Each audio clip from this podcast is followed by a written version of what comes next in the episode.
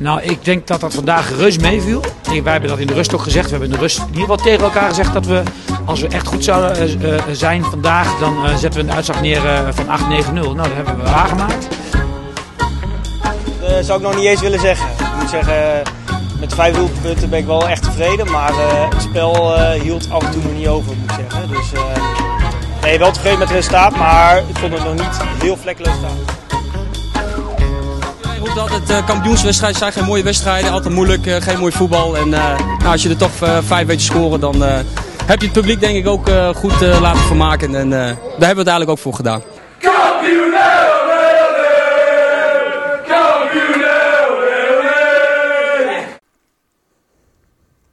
Hallo luisteraars, welkom bij eh, de FC Zutphen podcast in seizoen 2. Als ik heel eerlijk ben, weet ik niet meer precies welk afleveringsnummer we zitten. Teun, eh, ik zie je al lachen. Ik heb ook geen idee. Vier waarschijnlijk. Ik heb Nou, echt geen idee. Ergens in die, eh, in die buurt in ieder geval. Eh, maakt niet zoveel uit, dat zijn maar, maar nummers. Maar fijn er weer te zijn. Goed je ook weer te zien, Teun. Ja, ja, voor jou lang geleden hè weer. Ik Ja. was vorige keer wat je Niek. Vorige keer had ik een eh, snipperdagje Ja, en mocht ik ja. eens een keer Mag ook toeluisteren. keer hè. De baas mag ook een keer Nou, daar niet, vrije, niet, overdrijven. Niet overdrijven. maar het was, eh, was leuk om te horen, het eh, verhaal met Guus Tieleman en met Mark Bloemendaal. Ja, En we hebben ook veel leuke reacties op gekregen. En nou, vandaag is het eindelijk, moet ik misschien bijna wel zeggen, eindelijk weer tijd voor een nieuwe aflevering. En dat doen we met een speciale gast vandaag, die, die zichzelf zo meteen gaat introduceren. Stel jij hem voor, Teun? Ik zal, ik zal hem even heel kort voorstellen, heel kort. Ehm, hij staat bij mij eigenlijk eh, bekend als, eh, als de voorzitter. Ook al is hij dat al eh, heel lang niet meer. Hij is en blijft eigenlijk altijd wel een beetje de voorzitter. En eh, volgens mij noemt eh 80% van de mensen die hier langslopen bij hem, noemen hem nog steeds eh Goedemiddag voorzitter. op, op, op één na. Op één na. Ik ken één iemand die langs mij heen loopt en die zegt dan, dag zeurvitter. Nee, eh, het is eh, niemand anders. Je hoort hem al. eh, Joop Vreeman eh, hebben we aan tafel. En eh, Joop eh, die, eh, die is heel lang dus voorzitter geweest, maar is al heel lang bij de club. En eh, ik ken hem al zolang ik eh, bij eh, zowel WSZ als eh FC Zutphen heb gevoetbald. En eh, zowel eh, bij mij in mijn geheugen als voorzitter, maar hij doet tegenwoordig eh, heel veel andere dingen volgens mij bij de club. Daar gaan we hem zo meteen over horen. Ja. Eh, maar we hebben Joop Vreeman. Joop, eh, hoe is het? Eigenlijk hartstikke goed. Eh, het is een beetje een lastige tijd voor iedereen, maar als je met pensioen bent, dan moet ik zeggen dat eh, al die eh corona-perikelen en zo, dat die toch, als je ze er een beetje na kunt, kunt eh, schikken, is het eigenlijk heel goed te doen. Het enige wat je mist is de frequente bezoeken aan, aan naaste familieleden. De kinderen gaat nog net, maar dat wordt allemaal toch al wel wat voorzichtiger als het gaat over de bezoeken. Maar nee, in vergelijking met heel veel anderen eh, kunnen wij deze tijd heel goed handelen. Ja, Kijk, mooi. Ja, kijk, Goed om te horen en leuk dat je er bent, Joop. ja, Ja. heel graag. Ehm, als we het hebben over de club. eh, we hebben natuurlijk wat fusies achter de rug. Eh, ik ga er voor het gemak gewoon maar even vanuit. En dat we het gewoon over de één, één club hebben. En dat we als we over het verleden praten. eh, en, en, en er fusieclubs aan de orde komen. Dat dat nog steeds de club is. Maar als je, als je kijkt naar, naar, naar jouw club. Ik ben eigenlijk heel erg benieuwd hoe jouw liefde voor, voor onze club ooit ontstaan is. Ja.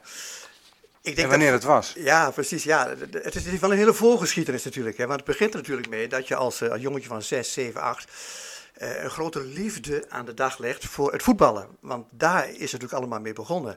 Ik ben geboren in, in Linden. Dat is een heel klein gehuchtje tussen Vorden en Ruurlo en Engelo-Gelderland. Op een boerderij. Daar waren we met 14 mensen, 10 kinderen. Vader, moeder en opa en oma.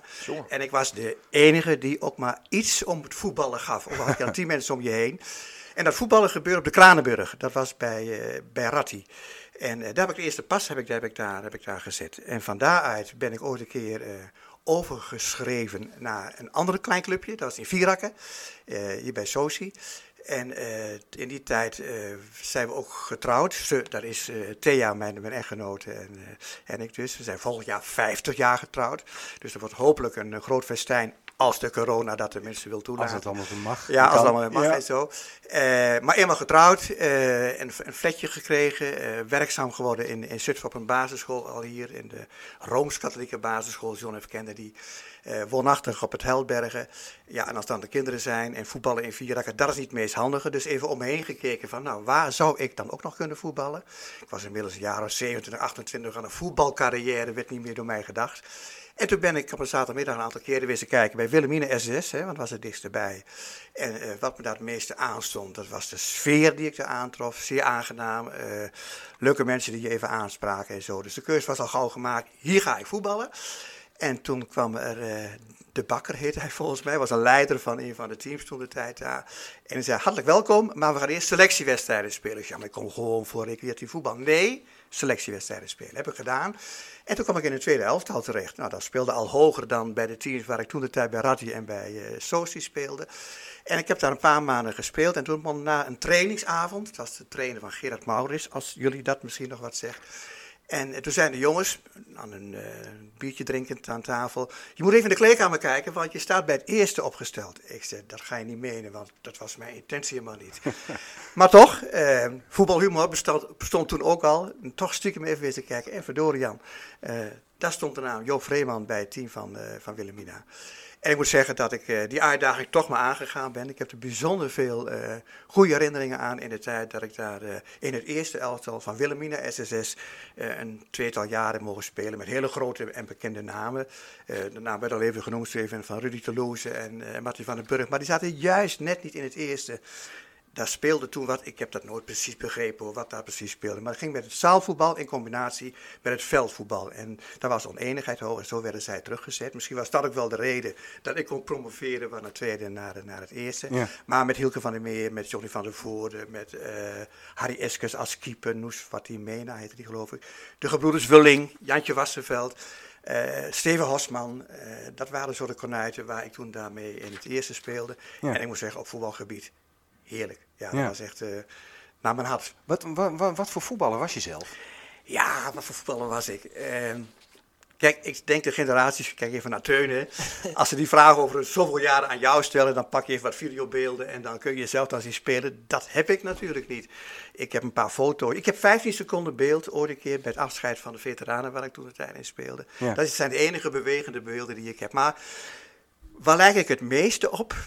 Uh, dat is denk ik op René, op een Willy van de Kerkhof, als je die naam wat zegt. Ja, Willy en René. Oh, dat is lang geleden. Ah, dat is voor je tijd. Dat is lang geleden. Dat is een beetje voor mijn tijd. Ja, die ken ik. even verder teun. Zij speelden bijna een WK-finale in 74 en in 78 hadden zij dus beide spelen. En Willy van de Kerkhof had de bijnaam de stofzuiger. En daar lijk ik ook wel een beetje op. Willy die, die, die, die rende zich het labrazes van, van de verdediging naar, naar de aanval. Hij was echt een balafpakker en had een eindeloze conditie. Dat moest natuurlijk ook wel, anders zou je dat nooit hebben kunnen, kunnen volhouden.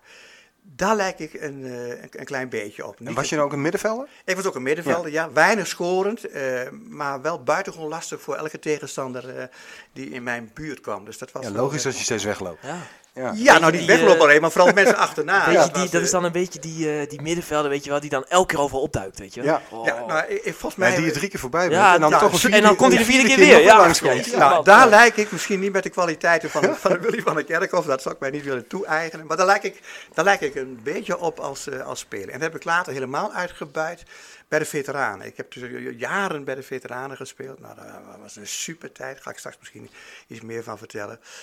En Oh ja, daar schiet mij een beeld te binnen. Ik, ik heb op de kweekschool gezeten, hè. ik ben, ben onderwijzer geweest. En uh, ik zat in, uh, in Zeist op de kweekschool, bij de Frates van Utrecht. Maar we zaten vlak bij Utrecht, aan, de kant van, van Utrecht, zeg maar. En het was een kwartiertje fietsen naar wat toen de tijd DOS heette. Die speelde in de Galgenwaard, nou zouden we zeggen FC Utrecht. En bij DOS, daar speelde een, een, een. Hij is ook een paar keer meegedaan in het Nederlands elftal.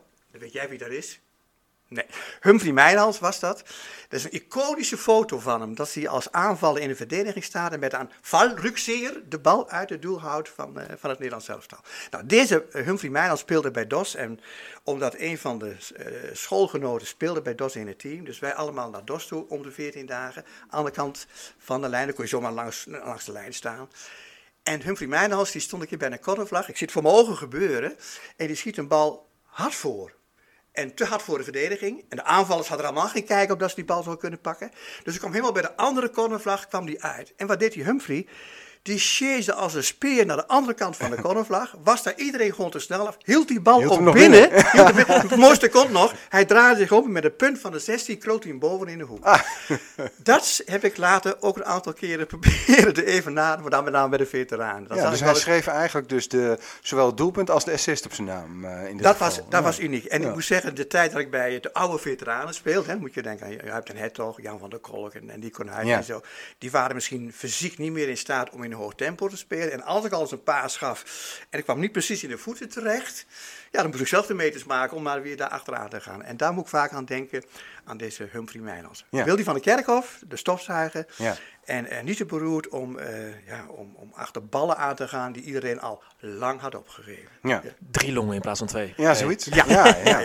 En, en mag ik iets meer over vertellen? Want, want die Ja, ja. longen zijn mij niet. Ja, die longen zijn me aangeboren, mag ik hopen. Maar, maar zeg maar het feit dat daar ook een flink stukje conditie aan gekoppeld was. Ja, dat zal wel. Ik heb, eh, ik heb altijd, toen al bij Ratti, dat was een clubje, nou ja, daar kon je gewoon mee of huppelen, was helemaal niet zo moeilijk. En Sochi, maar bij Sochi woonde ik al op Heldbergen. En als we gingen trainen, dinsdags en eh, donderdags, dan liep ik met een eh, rugtasje op mijn, op, mijn, op mijn rug met de voetbalschoenen in, dan liep ik naar Vierakken. En dan gingen we daar trainen. Dus had ik al een 6, 7 aan, aan conditie erop zitten. En er was er een trainer, Peter eh, van Dijk. Heel veel mensen, oud-Hercules mensen, zullen hem ongetwijfeld nog wel herinneren. Hij was ook heel lang trainer geweest van Hercules. En die was zo aardig om mij dan weer terug te brengen naar, eh, naar Zutphen toe. En dat heb ik later ook gedaan bij Wilhelmina SSS. Ik woonde hier vlakbij, nee vlakbij. Ik woonde op Stokenbrand. En toen werd een nieuwe IJsselbrug aangelegd. Oh ja. Zo'n jaar is dat geleden. En wat ik dan deed was door de week twee, drie keer 7, 8 kilometer lopen.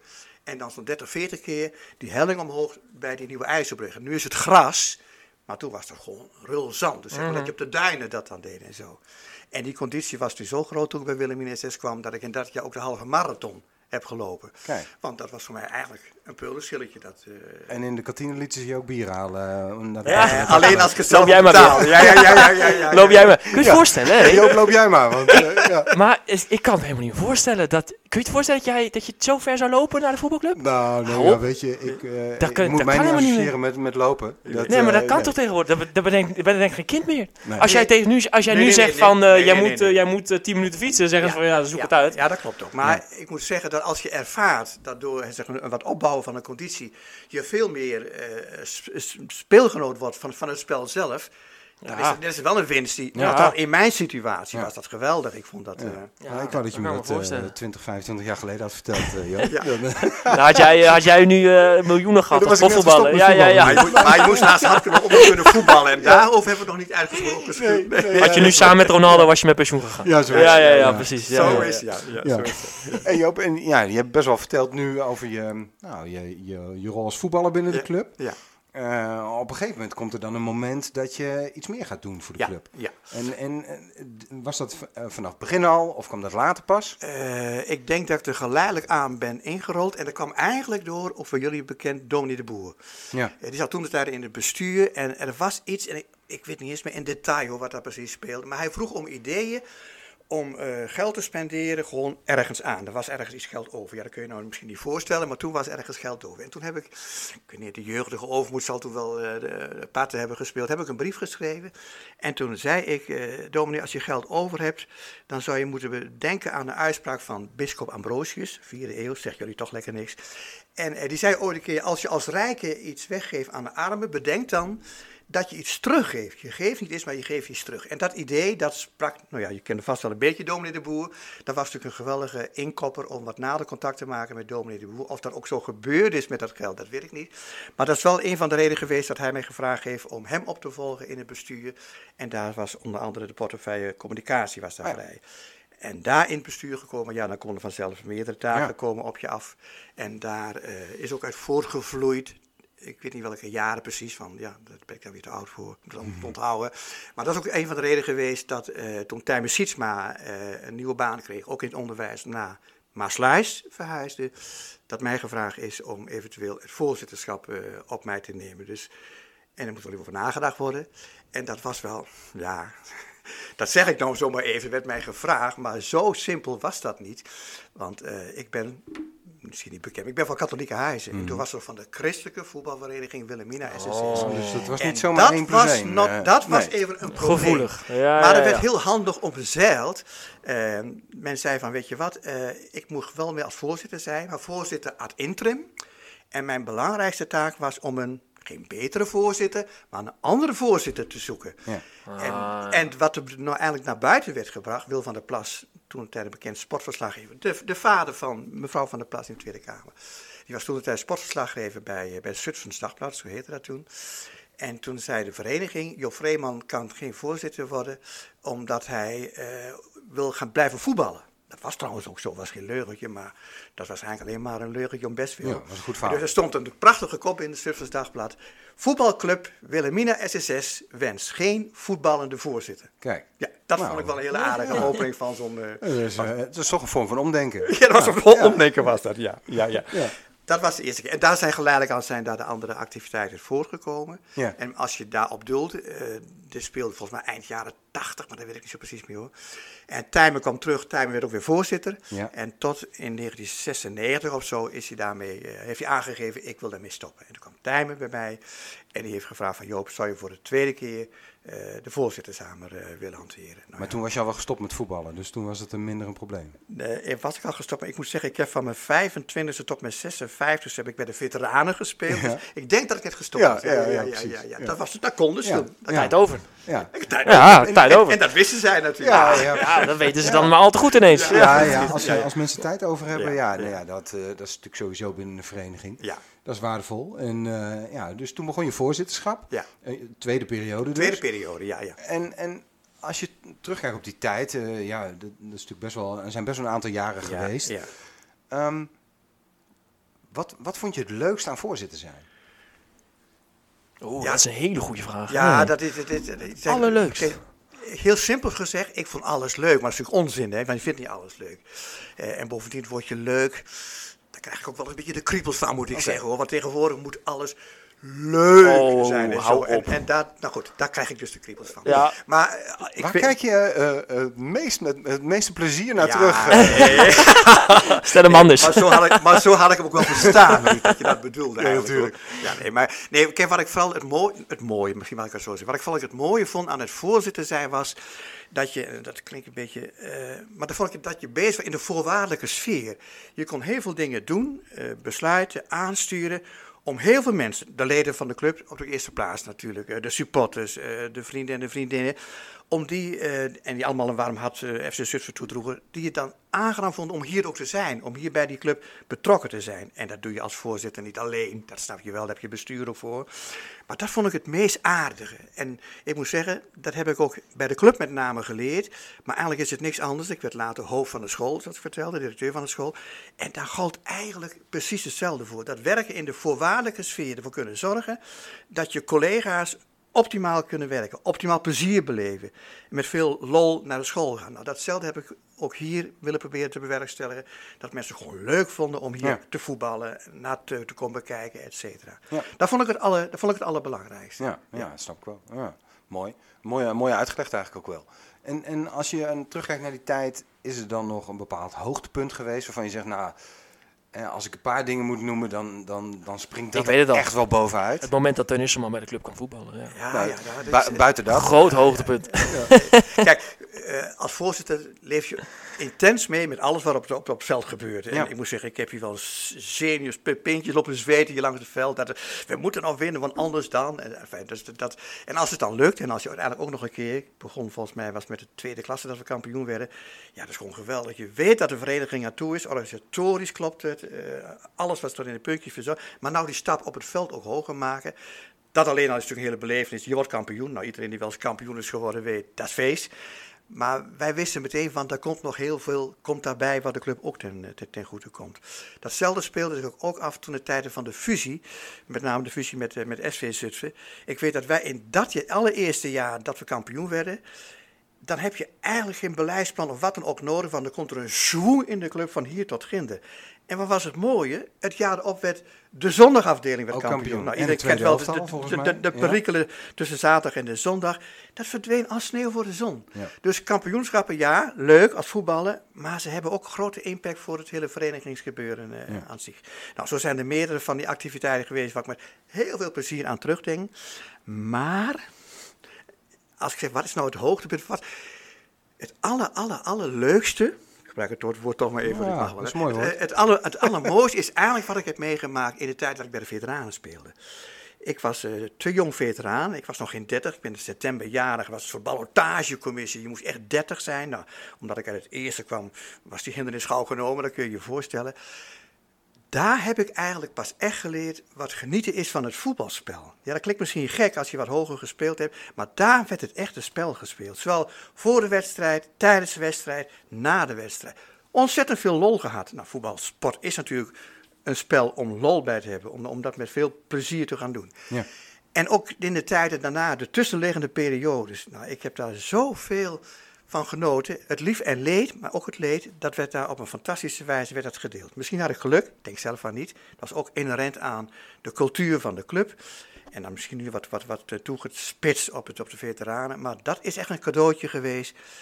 Dat was, eigenlijk is dat één groot hoogtepunt geweest. Geweldig om met zo'n team zo lang zoveel lief en leed te, te mogen delen. Super was dat. Ja, ik vind het ook echt wel, wat dat betreft wel, uh, ik, ik zeg dat ook altijd tegen, tegen jongere jongens ook wel, van ja, hoe het ook loopt straks, blijf gewoon zo lekker zo lang mogelijk voetballen. Ja, echt waar. Uh, hè, en het liefst een beetje met een, een, een vaste kern. Ja. Uh, zodat je vriendschappen kunt, kunt opbouwen Ja. en die vooral ook kunt behouden. Ja. Um, omdat als je om wat voor reden dan ook op een gegeven moment niet meer kunt voetballen, je het gewoon echt gaat missen. Ja. Ja. En, en er zit nog een, andere- een keerzijde aan, want nu is mijn generatie, ik ben wat nou 74, ik ben 73, dus zo geleidelijk aan houdt het een beetje op aan mogelijkheden om wat te kunnen doen. Maar zeker in die periode en in de veteranen. Ik heb in de veteranenteam gespeeld. Oh ja, zo moet ik het misschien maar formuleren. Daar was iedereen vrijwilliger. Ja. Iedereen deed ergens in de plek deed hij wat. En dat is natuurlijk wat je krijgt als je als uh, veteraan steeds langer bij de club betrokken bent. Nou, je kent nu ook wel de mensen die het natuurlijk gedaan hebben, zoals in, uh, Gajan Nijland en zo. En Huip den Hertog, wat heeft hij van die gedaan als penningmeester? En, uh, nou fijn, je kunt het hele team bijna opnoemen. Henne Bielderman schiet me nou er binnen die met de Toto-formulieren liep. Je houdt er ook een, een, een, een winst uh, over als je maar mensen lang genoeg bij de, de, club laat betrekken en ze ook nog een goed gevoel hebt gegeven in al die jaren dat ze er waren. Dat is ook ja. het belang van plezier hebben bij deze club te spelen. Ja. En daar hebben we dus met dat team, vind ik daar, uh, een voorbeeld in gegeven. Maar ik kijk nu even weer naar uh, wat wij nu noemen de oude veteranen, want ons veteraanteam bestaat niet meer. Maar als ik nu kijk naar de maandagmorgen en naar de vrijdagmorgen, en ik zie die Rudy lopen en Martin lopen en, en, en Ton Luikma lopen, en dan noemen ze me op het halve team, Martin van den Burg, wat hij daar niet als vrijwilliger doet en zo. Er zijn dus heel veel mensen uit dat team die altijd al betrokken waren bij de club, opnieuw inzetbaar binnen de vereniging. Nou, ja. dat is gewoon goud. Ja. Dat is goud. Ja, ja. uiteindelijk is, is er, er is gewoon echt letterlijk altijd iets te doen. Hè? Er is werkelijk en, altijd uh, iets te en dat doen. moet je even weten. Hè? Ja. En ja, je moet ook een beetje kunnen waarderen, want het is ook gewoon leuk om samen te doen natuurlijk. Het is hartstikke leuk. En ik moet zeggen dat, uh, nou, als je met pensioen bent, ik ben nu tien jaar bij pensioen. En dan, dan ga je artikelen lezen van wat maakt nou dat een pensionado ook gelukkig is een van de eerste vereisten is bijna dat je zinvol werk doet. Het mag best leuk zijn, graag moet het leuk zijn, maar het moet zinvol werk zijn waarvan je weet van, daar heeft een ander wat aan. En als die ander ook nog zo verstandig is om ze nu en dan te laten blijken dat hij het waardeert, dan is het vrijwilligerswerk, dat is gewoon, nou ja, dat is gewoon een cadeautje. Ja. En in mijn periode van nu met, met pensioen zijn. Ik heb een dagbesteding. Ik ben elke morgen, elke dag van de week ben ik hier van nou, een uur of negen tot een uur of één of zo. Dat is voldoende te doen. Ik heb een verhaal als ik thuis kom. Ik ben lekker moe. Ik moet op de bank zitten en dan uh, moet ik oppassen dat ik niet in slaap val. ja. Dus het heeft heel veel gezondheidseffecten. Het heeft veel sociale effecten. Ja. Uh, ja, je zou eigenlijk mensen aan moeten aanraden. Ga toch vrijwilligerswerk doen. Ja. En, en Joop, kun je dan aan de, aan de luisteraars eens vertellen wat jij... Wat, wat, doe je nu zoal uh, op die ochtenden dat je hier bent? Ja. Ik, ik, weet het wel, want ik heb het nee. regelmatig zien doen. Vraag de bekende weg dit. Nee, nee, maar, nee, maar dat mag best. Ik, ik, was hier een tijdje geleden was ik hier bezig en zat ik op mijn knieën met een, een, een onkruidkrabber zat ik daar. En toen kwam uh, Bert-Jan van Maasdam kwam achter ja. mij en zei, nou ben je net een monnik, zegt hij. Dat ik, dat ik binnenkom en je komt hier knielen. Nou, wat hij niet wist, ik heb, een, ik, ik heb bij de Fraters van Utrecht geweest. Dat is een religieuze congregatie, die staat helemaal toegespitst op het onderwijs. Vandaar dat ik dus in Zeist kwam en daarbij. En, uh, en dat is maar één van de aspecten. Eigenlijk wat ik s'morgens doe, is eerst hier de boel een beetje opruimen. Want als het uh, door s'avonds getraind is, het is een beetje nat weer geweest. Het is, je kunt je voorstellen, dan ziet het er minder netjes uit dan wanneer er helemaal niks te doen is geweest. Dat ruim ik op. Daar heb ik ook mijn instrumenten voor gekregen van de, van de, van de club. Dus daar ruim ik op. Daar ben ik een uur mee bezig. En vervolgens alles wat... daarom noem ik ook wel eens de groene vrijwilliger. Alles wat, wat hier groeit en bloeit, maar niet daar moet staan waar het groeit en bloeit, dat probeer ik te verwijderen. Ik, ik krab het onkruid, ik maai het gras waar de gemeente met de machines niet bij kan komen. Uh, de kanten, als je wel eens opgelet hebt, dan zien we uh -huh. dus, uh, kaasrecht uit. Dat vind ik gewoon leuk. Ik betrapte me wel eens op als ik gewoon een dagje bezig geweest ben en ik fiets weg. Dan kijk ik even achterom en dan denk ik, wat ziet dat er mooi uit. hè? Zouden mensen dat En terecht. ook- En, nee, En maar- terecht. Nee, dat is waar. Maar het precies is bij mij. Hè. Ik, ik, ik zie zelf met heel veel voldoening dat het erbij ligt zoals het erbij ligt. En natuurlijk, en dat is wat jij zegt, er zijn heel veel mensen die dat ook eh, in- in woorden kenbaar maken. Maar daarom hoef je niet te doen. Het is gewoon heerlijk. Buiten, ik ben een buitenjong, ik ben een boerenjong, zoals je misschien begrepen hebt. S- eh, In de zomermaanden komen ze wel eens heel vroeg hier en dan zie je een beetje mist. En dan zie je aan die kant, hè, de oostkant, zie je de zon daar prachtig opkomen. En in de verte hoor ik de koeien loeien. Ah. Die kunnen een mens niet gelukkiger maken dan, en dan iets gaan doen Ja. waarvan de ander plezier van heeft. Ja, nou ja, ik denk dat nu we wel een mysterie opgelost hebben. Hè? Voor, Ja. voor de jeugd die, die smiddags en s'avonds, eh straks hopelijk weer s'avonds Ja. komt trainen. Ja. Hoe komt het die nou zo schoon? Gewoon, gewoon verbaasd hoe het komt dat Ja, het hier zo netjes is. Ja. Ja. Ja, dat is onder andere vanwege jouw inzet. Ja, ja. En, eh, En, met, en, en met anderen. ik wil het zeggen, Ja. want we zijn hier met een man of vier, vijf die echt eh, de hele ochtend bezig zijn om eh, van alles en nog wat eh, zeg maar tot stand Nou. te brengen. En dat, eh, geeft, en dat geeft weer gezelligheid, een kopje koffie drinken. Het is, Juist. het is, Juist. eigenlijk is het een, een cadeautje als je op die manier zeg maar, je pensioenjaren mag, eh, mag Ja, ja. Ja. Hey, maar eh, pratend over de ochtend, hè? Volgens mij is daar weer een hele nieuwe, nieuwe, nieuw genre aangegeven, hè? Over wat we hier doen in de ochtend. Want eh, ik spreek dan voor mezelf nu, maar eh, tegenwoordig is het voetbal om zes uur, hè? Ja, ja, In de ja, ochtend. Ja. Ik, ik Oh. hoor zoiets, ja. ja. Met de huidige Oh. maatregelen. Het is, Zo, eh, jij, jij zegt namelijk eh dauw op het veld en de koeien Ja, ja, loeien en de zon die nog niet die langzaam omkomt. Nou, ik heb het meegemaakt hoor, afgelopen week. Poeh. Super. Ja, was echt eh, was Ja. bijzonder. ja. Want eh, je, je moet Want, wat, hè? voor de luisteraars die dat niet hebben meegekregen, vertel Ja, Tim, wat um, eh, het is natuurlijk nu zo, hè. Je mag van uh, 5 tot 5 mag je trainen. Of in ieder geval mag je iets doen, hè. Dat is, eh, dat is heel, eh, dat is Nederland helemaal wijd, laat maar zeggen. En eh, ja, dan, dan wordt trainen lastig, hè, om 6 uur. Want dat is natuurlijk niet meer eh, binnen de tijd. Ja, dan ga je denken, hoe gaan we dat dan oplossen? Nou ja, om 4 uur dan, nou ja, keek ik, eh, keek ik ook mijn assistent-trainer aan. Ik zei van, ja, dat wordt hem niet, want we zijn al wel bij druk. Ja. Dus dat gaat hem niet worden. Ja, hoe gaan we dat dan doen? Ik Hoe zeg, dan wel? Ja, hoe, wat, wat dan wel? En dan zat ik te denken, ik zei, ja, wanneer heb ik tijd dan? En dan zat ik te denken van, ja, alleen 's ochtends. En dan maar wel heel vroeg. Waarbij voor mij dacht van, ja, nou ja, niet geschoten is, is altijd mis. We gaan het gewoon een keer doen. Ik bluff gewoon. Ik eh, stuur een appje in de groepsapp eh, twee dagen van tevoren. Ik zeg, eh, zes uur 's ochtends trainen, punt. Geen, geen discussie. het? Onder 13 is dat, Joop. Onder 13-1. Ja, ja. Ze zijn wel getige jongetjes, is wel leuk. Maar, ehm, dus ik stond de afgelopen week eh, twee keer op maandag en woensdag om zes uur 's ochtends hier op de club. Ja. Met de dauw op het veld en de loeiende koeien. En ze waren het, er allemaal. en ze waren er allemaal. Ja. En, en hoe reageren ouders daarop? Ja, onwennig, denk ik, in het begin. Want Ja. dan kijken ze je aan en zeg van, ja, wat gek. We hebben de gek. En Ja. dan zeggen ze van, of ik laat mijn kind niet zo, goed, zo vroeg gaan, of eh, is dat wel goed voor school, hè, prestaties, Ja, ja, anders ja, moeten ze ja. vroeg op. Ja. Waarop ik alleen maar reageerde, ik zeg maar, ja, in de avond doen ze ook niks. Ja. Ze gaan maar vroeg naar bed. Maar waar- ik wel meer problemen mee hebben, dit vind ik een geweldig initiatief. Ik heb gelezen ook van voetbalvereniging Gossel, hè, die, eh, Ja. die dat met, met de senioren. Dat ik zelf vind, als, als ouderen dit gaan naapen, nadoen, dat je toch even moet opletten of je daar daarmee toch niet datgene wat men bereikt met, met, met die coronamaatregelen, dat wil... eh, Ja, precies. Kijk, en onder de 13 vind ik, dat, vind ik dat eigenlijk niet aan de orde. Ik vind sowieso dat die eigenlijk gewoon ook s'avonds zouden moeten kunnen trainen met, met, met zo'n leeftijd. Hoewel, Ja, als je nou weer Sport hoort... in de buitenlucht. hè? ja. Ja, Nee, het is een lastig onderwerp. Daar Ja. kom je- Nee, eh, het- en- er zitten allemaal en- keerpunten aan. Laten we, laten we, enige- hem, eh, laten we hem parkeren Precies. voor nu. We gaan, me we gaan, niet, we verstandig. gaan niet te diep Waar, in. waar het op neerkomt is dat ik, dat ik zo gek ben geweest om zo vroeg te gaan trainen. Nou, ik heb mezelf nog even drie keer achter de gekrapt hoor, die ochtend. Of ik dit echt wel wou. Maar ja, Ja. toen stond ik er. En dan was het eigenlijk wel Maar heel je, leuk. uiteindelijk Maar zegt het natuurlijk wel dit wat over... vergeten ze nooit. Nee, Nee, daarom. daarom. Het, het zegt ook En ik wat over dan de mentaliteit van die Woensdag had ik er ontbijtje geregeld. Hey, had ik, eh, kijk, had ik eh, krentenbollen geregeld. En ik had eh, fle- flesjes water geregeld. En ik had appeltjes geregeld. En mandarijntjes. Nou ja, we beginnen daar goed hè. zijn. En oliebollen ook nog? Of? Oh, oh, goed, je wil niet weten wat ik gisteren heb gedaan, hè? Nou, Gisteravond. vertel. Ik heb gisteravond stuur ik dan, eh waar hadden we niks te doen, hè? Er is niks te doen in de avond. Dus ik heb eh, jongens eh, om vijf uur voor het eten. Ik zeg, jongens om zeven uur teamsvergadering. Verrassing nog wat we gaan doen. De jongens zeggen van, wat dan? Ik zeg, ja, verrassing wat we gaan doen. Nou goed, ik linkje gestuurd van teamsvergadering, zaten er allemaal in.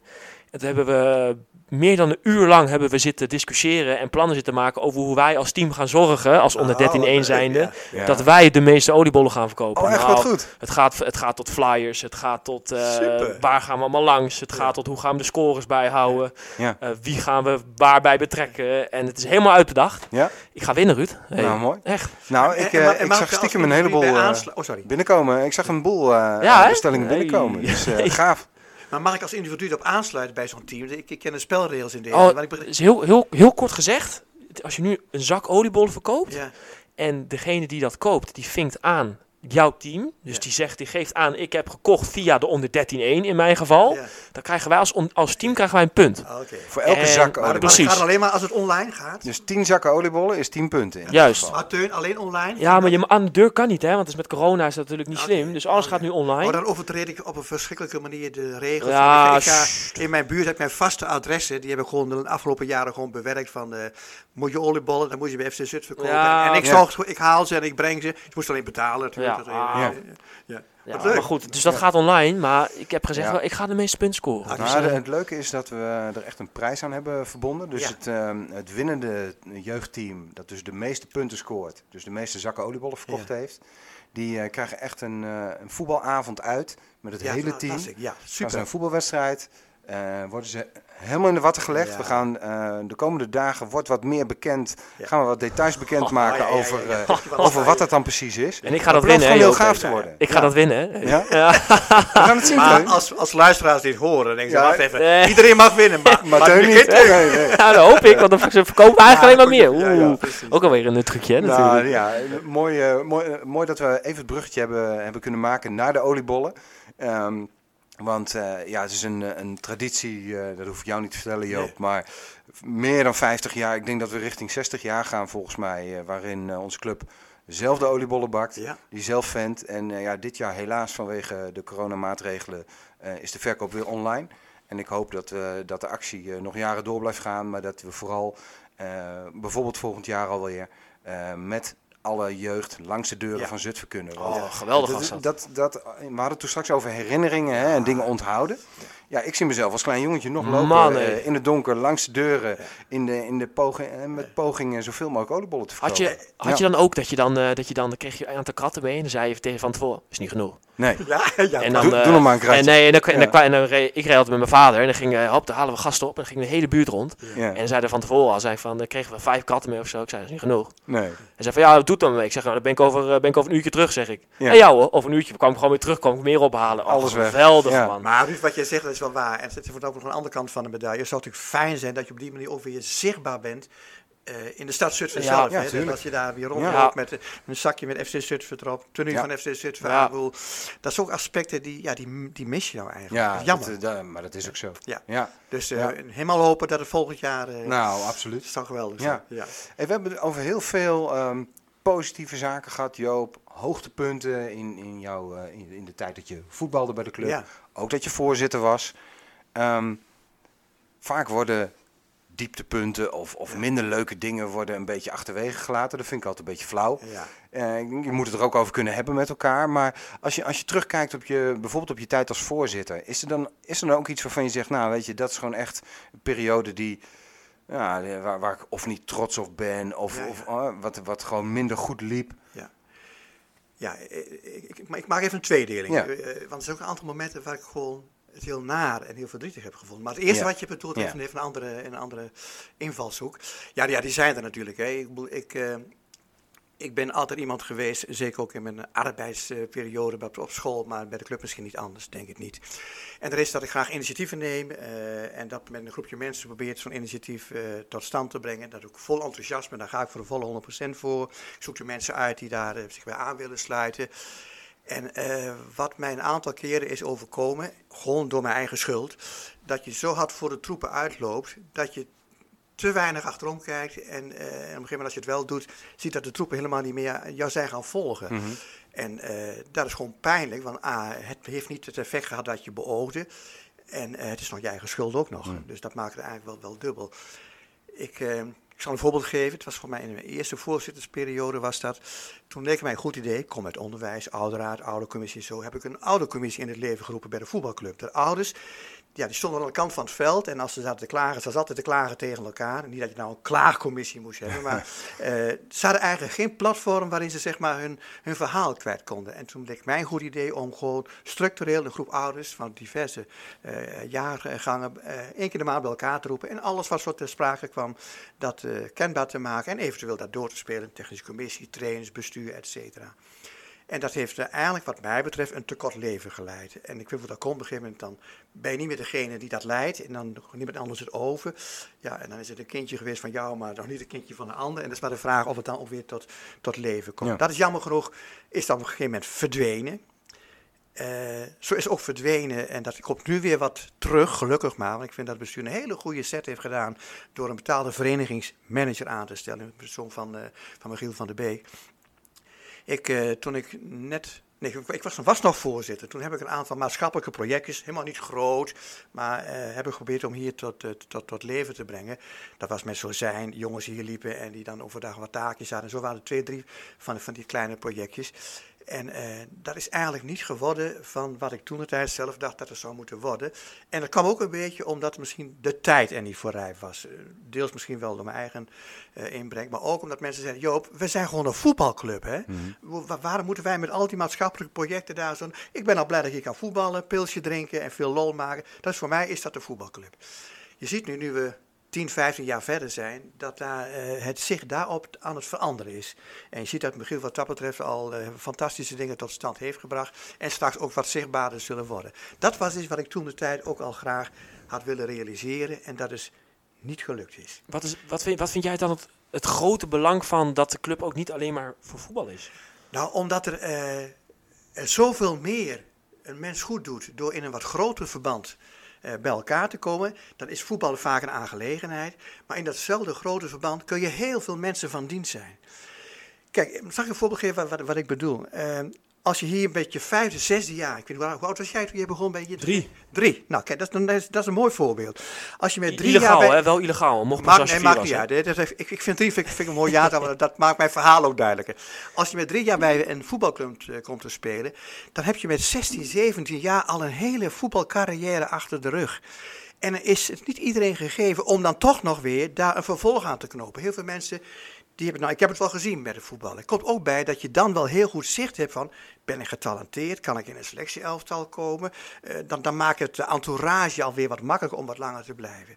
Nou, als je nou vanuit verschillende geledingen vanuit de maatschappij die jongelui hier toch had gehad, jongens en meisjes bij elkaar, en je had andere materialen kunnen aanbieden dan alleen maar de bal en het doel.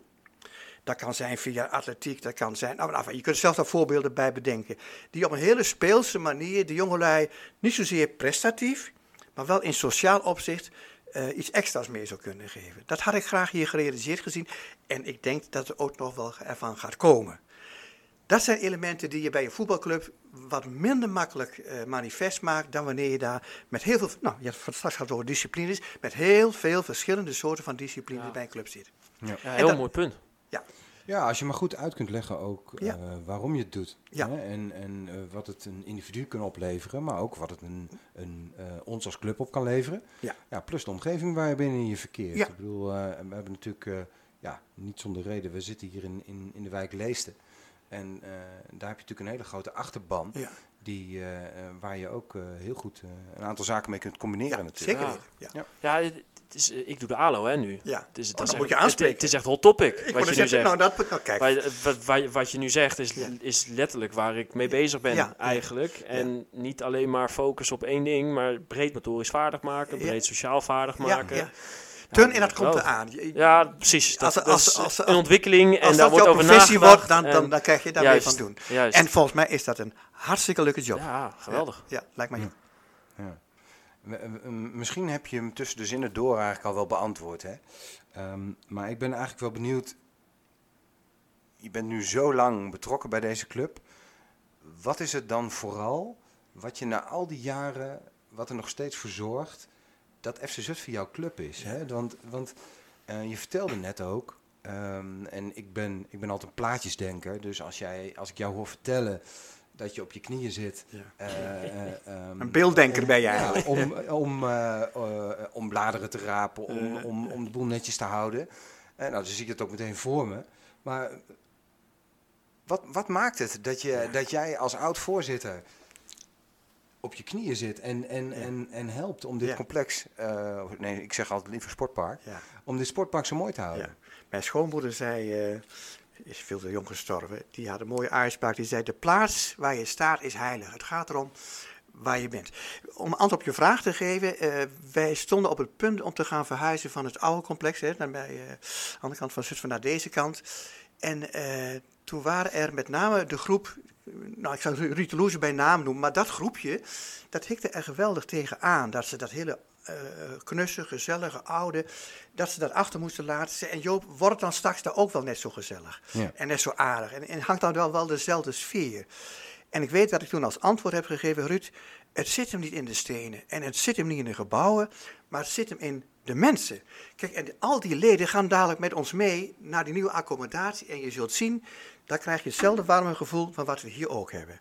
Nou, de eerste week hadden we pech, want toen was het, uh, we waren hier voor de eerste week, was het heel slecht weer, alles stond half onder water. En dat team, juist dat team natuurlijk, dat wilde op de nieuwe trainingsvelden gaan trainen. Ja. En wij zeiden als bestuur, ja dat ligt er net, je schopt in één week alles stuk. Zien we wel Joop, waren we maar op het oude trainingsveld daar eh, op het Heldenbergen, ja. dan kon je gewoon in de modder niks, te, nou, dat, dat soort van verhalen. Maar antwoord op je vraag, het zit hem in, het zit hem in de mensen, Ruud. Mm -hmm. Ik heb... Uh, met heel veel mensen heb ik een, een, een, geschiedenis meegemaakt binnen deze club. We hebben een aantal dingen al genoemd. Hè.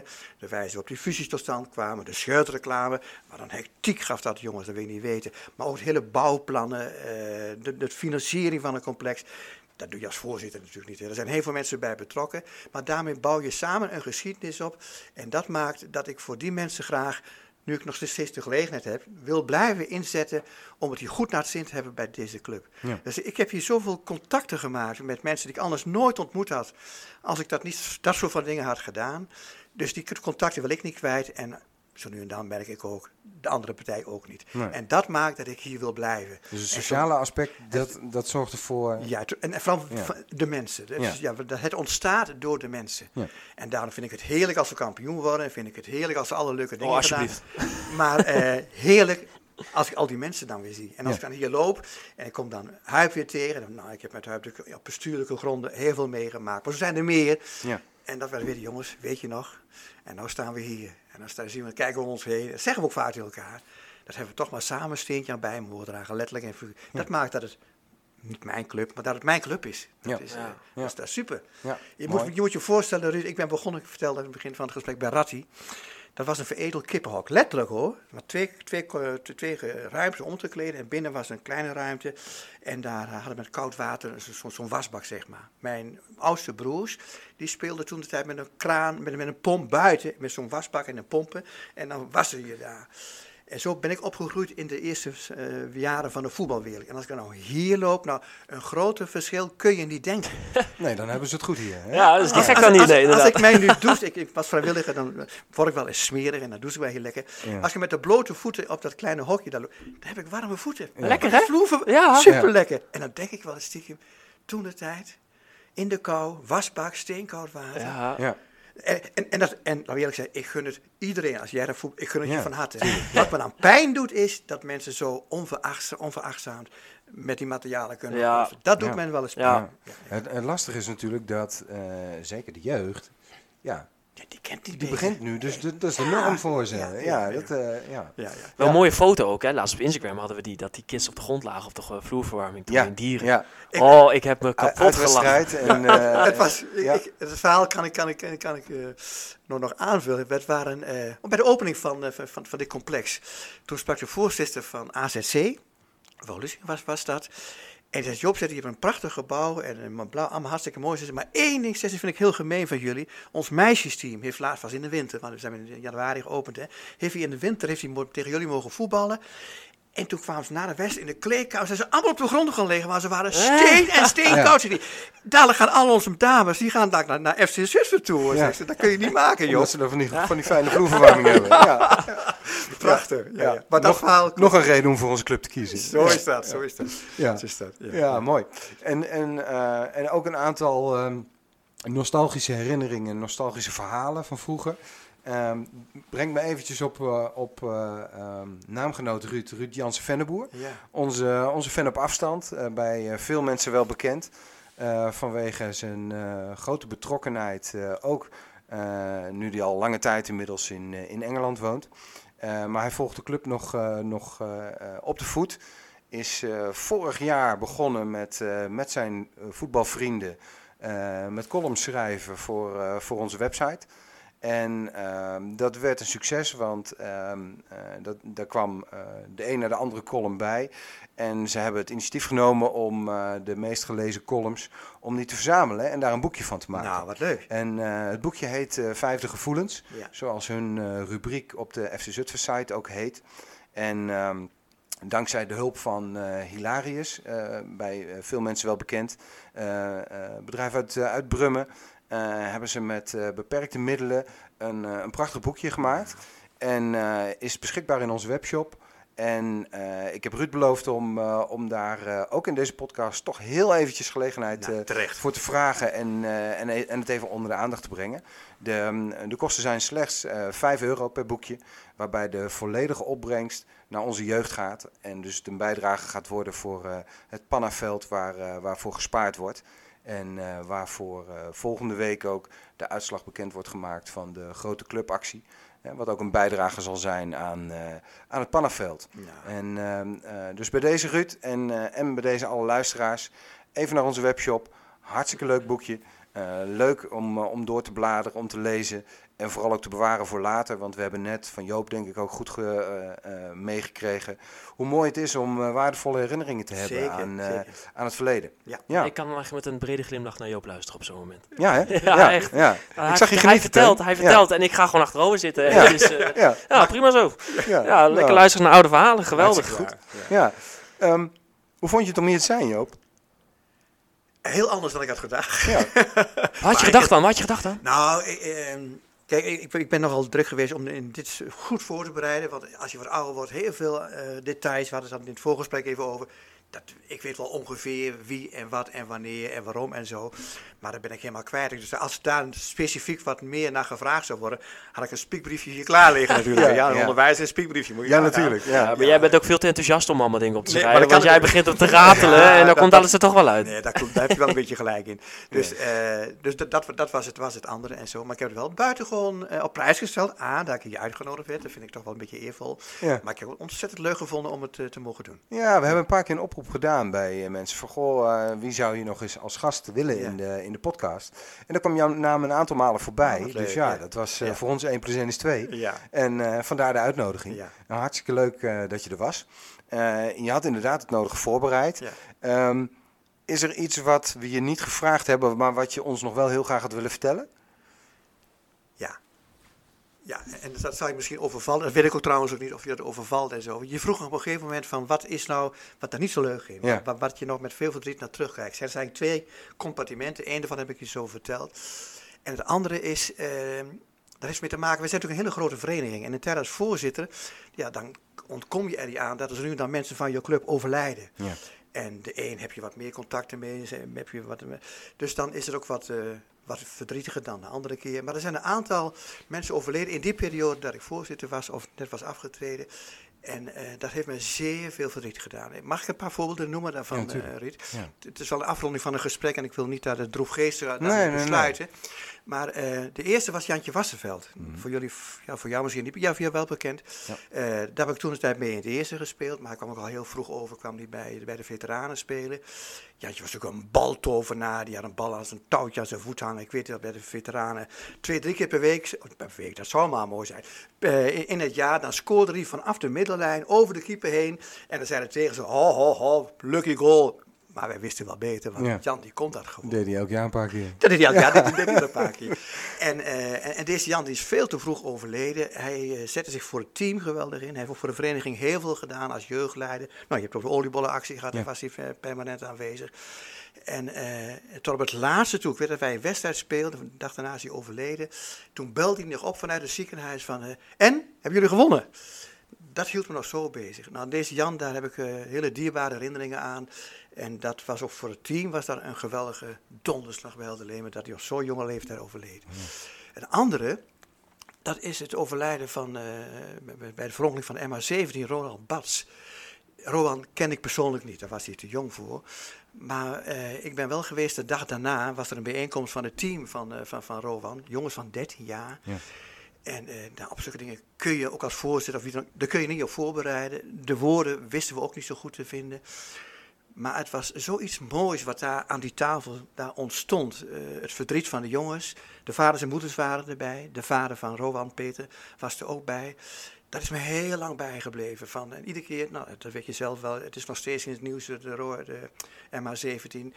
Dan moet ik weer aan die tafel denken met die Ja. jonge jongens die daar eh, het hele oneigenlijke, immense verdriet maar zien moesten te verwerken. Maakt echt indruk, hè? dat maakte echt in. Ja, hij zat, hij zat altijd maar op school. Oh. En eh, hij, was, hij is ietsje jonger dan mij, volgens mij. Hij, hij, dan ik. hij, ging voor groep 8 ging En eh, ja, hij was iets jonger dan ik. En ik heb toen wel eens, mocht ik met jongere teams of bij iets jongere teams meedoen. En, dan, of, eh, en toen heb ik wel eens met hem gevoetbald ook. Ja, en ja. ik kon wel goed met hem.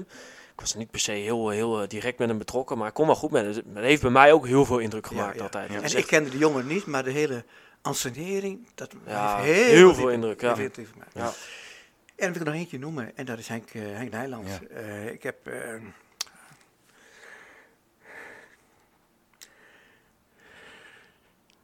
Joop wordt een beetje emotioneel, ja. nou, nee, laat maar. Lastig, hè? Henk was behalve wat hij, wat hij voor de vereniging betekend heeft, heeft hij ook voor mij veel betekend. Nou, laat het dan maar bij. Nou, ik denk dat dat een heleboel zegt. Ja. Het is... eh, een- Maar een- ik wil hem wel even noemen. Ja, dat is, dat is hartstikke goed van je. En, en, en het, ehm, eh, de manier eh, hè, wat het met je doet, zegt denk ik genoeg Ja. over wie Henk was. Voor veel mensen en Ja. voor jou in het bijzonder. Ja. Ja, En ik denk dat eh, een heleboel zegt over wat je eigenlijk net de hele podcast vertelt. Is dat het, het gaat om de mensen Nou, binnen de club. da- da- daarom wil ik Het gaat om het voetballen, het gaat Ja. om het scoren, het gaat om plezier. Maar het gaat ook heel erg veel om de mensen. Absoluut. En ik denk dat als je jou moet beschrijven, dan ben jij echt een mensenmens. En dan ben je een mensenvoorzitter. En dan ben je een voorzitter geweest, maar ook nog steeds een persoon binnen de club. Die heel graag onder de mensen is en mensen Ja. bij elkaar brengt. En eh, zorgt voor een positieve sfeer. En daar ben ik, ben ik jou alleen maar weer heel dankbaar Ja. voor. Maar ik, ik denk dat, dat dit een hele mooie samenvatting is van wat we zeggen. Is van wat je eigenlijk de hele tijd hebt gezegd. En dat is dan een club gaat niet alleen maar voetbal. Een voetbalclub gaat niet over Nee. voetballen, maar het gaat om de mensen. En dat is denk ik de allermooiste boodschap die, je- die je mee kan geven. Nou, Ja. dankjewel. Dat, eh, Ja. Maar ik wilde niet deze setting op deze manier zo, eh, zo eindigen. Maar, Nee, eh, maar ik, ik vind het juist alleen maar mooi. Ik bedoel, volgens mij is het ehm, eh, goed en mooi om ook als mensen eh, overleden zijn en niet meer bij ons zijn, Ja. Eh, om het af en toe nog wel eens over te hebben. Ja, Eh, Ja, waarom ja. zou je het niet doen? Ja. En, en juist omdat je eh, daar mooie herinneringen en goede herinneringen aan hebt. En daar hoort ook een bepaalde emotie bij. Die, de luisteraars zien dat niet, hebben wij wel mogen, mogen zien en ervaren. Ehm, maar ehm, ja, ik denk dat het wel nou, een passend einde is van veel boeiende en mooie onderwerpen die we met je hebben mogen bespreken. Nou, dankjewel. Ja. Ik heb het heel graag gedaan. Ja. Het was echt erg plezierig om hier eh, in deze setting een verhaal te mogen doen. Nou, Super. Mooi. Het Ja. was leuk dat je er was. Dankjewel. En eh, ehm, voor de luisteraars ook. Wij zijn, eh, we gaan nog even een, een nieuwe afspraak plannen eh, voor, eh, voor onze volgende podcast. Eh, dank voor het luisteren. Eh, vergeet niet om, om ons nog even te liken op eh, de, de podcast aanbieders waar je, waar je ons luistert. En eh, ik weet eerlijk gezegd niet of we er dit jaar nog een keer zijn. Want Oeh. we zitten inmiddels bijna Ja, halverwege december. Ik, ik ben er bang voor. Ja, eh, het zou eh, kunnen zijn dat Misschien het net een eh, volgend jaar wordt. Of seizoensafsluiting. ja. iets in die trant. Moeten we nog even Nou, over eh, nadenken. We gaan het plannen. Mocht dat niet zo zijn, dan wensen we jullie eh, bij voorbaat al eh, hele mooie eh, decemberdagen toe. En dan zien we elkaar in het volgende jaar. En eh, sluiten we voor nu af, Teun. Ja, ja heel, hele bijzondere podcast, denk ik. Heel veel, eh, heel veel positiviteit. En eh, heel mooi, heel mooi, eh, mooi eind. Die dan ook weer positief wordt afgesloten. Ik denk eh, geslaagd. Oké, Fijn te horen. Bedankt voor het luisteren. Ook van mij. bedankt.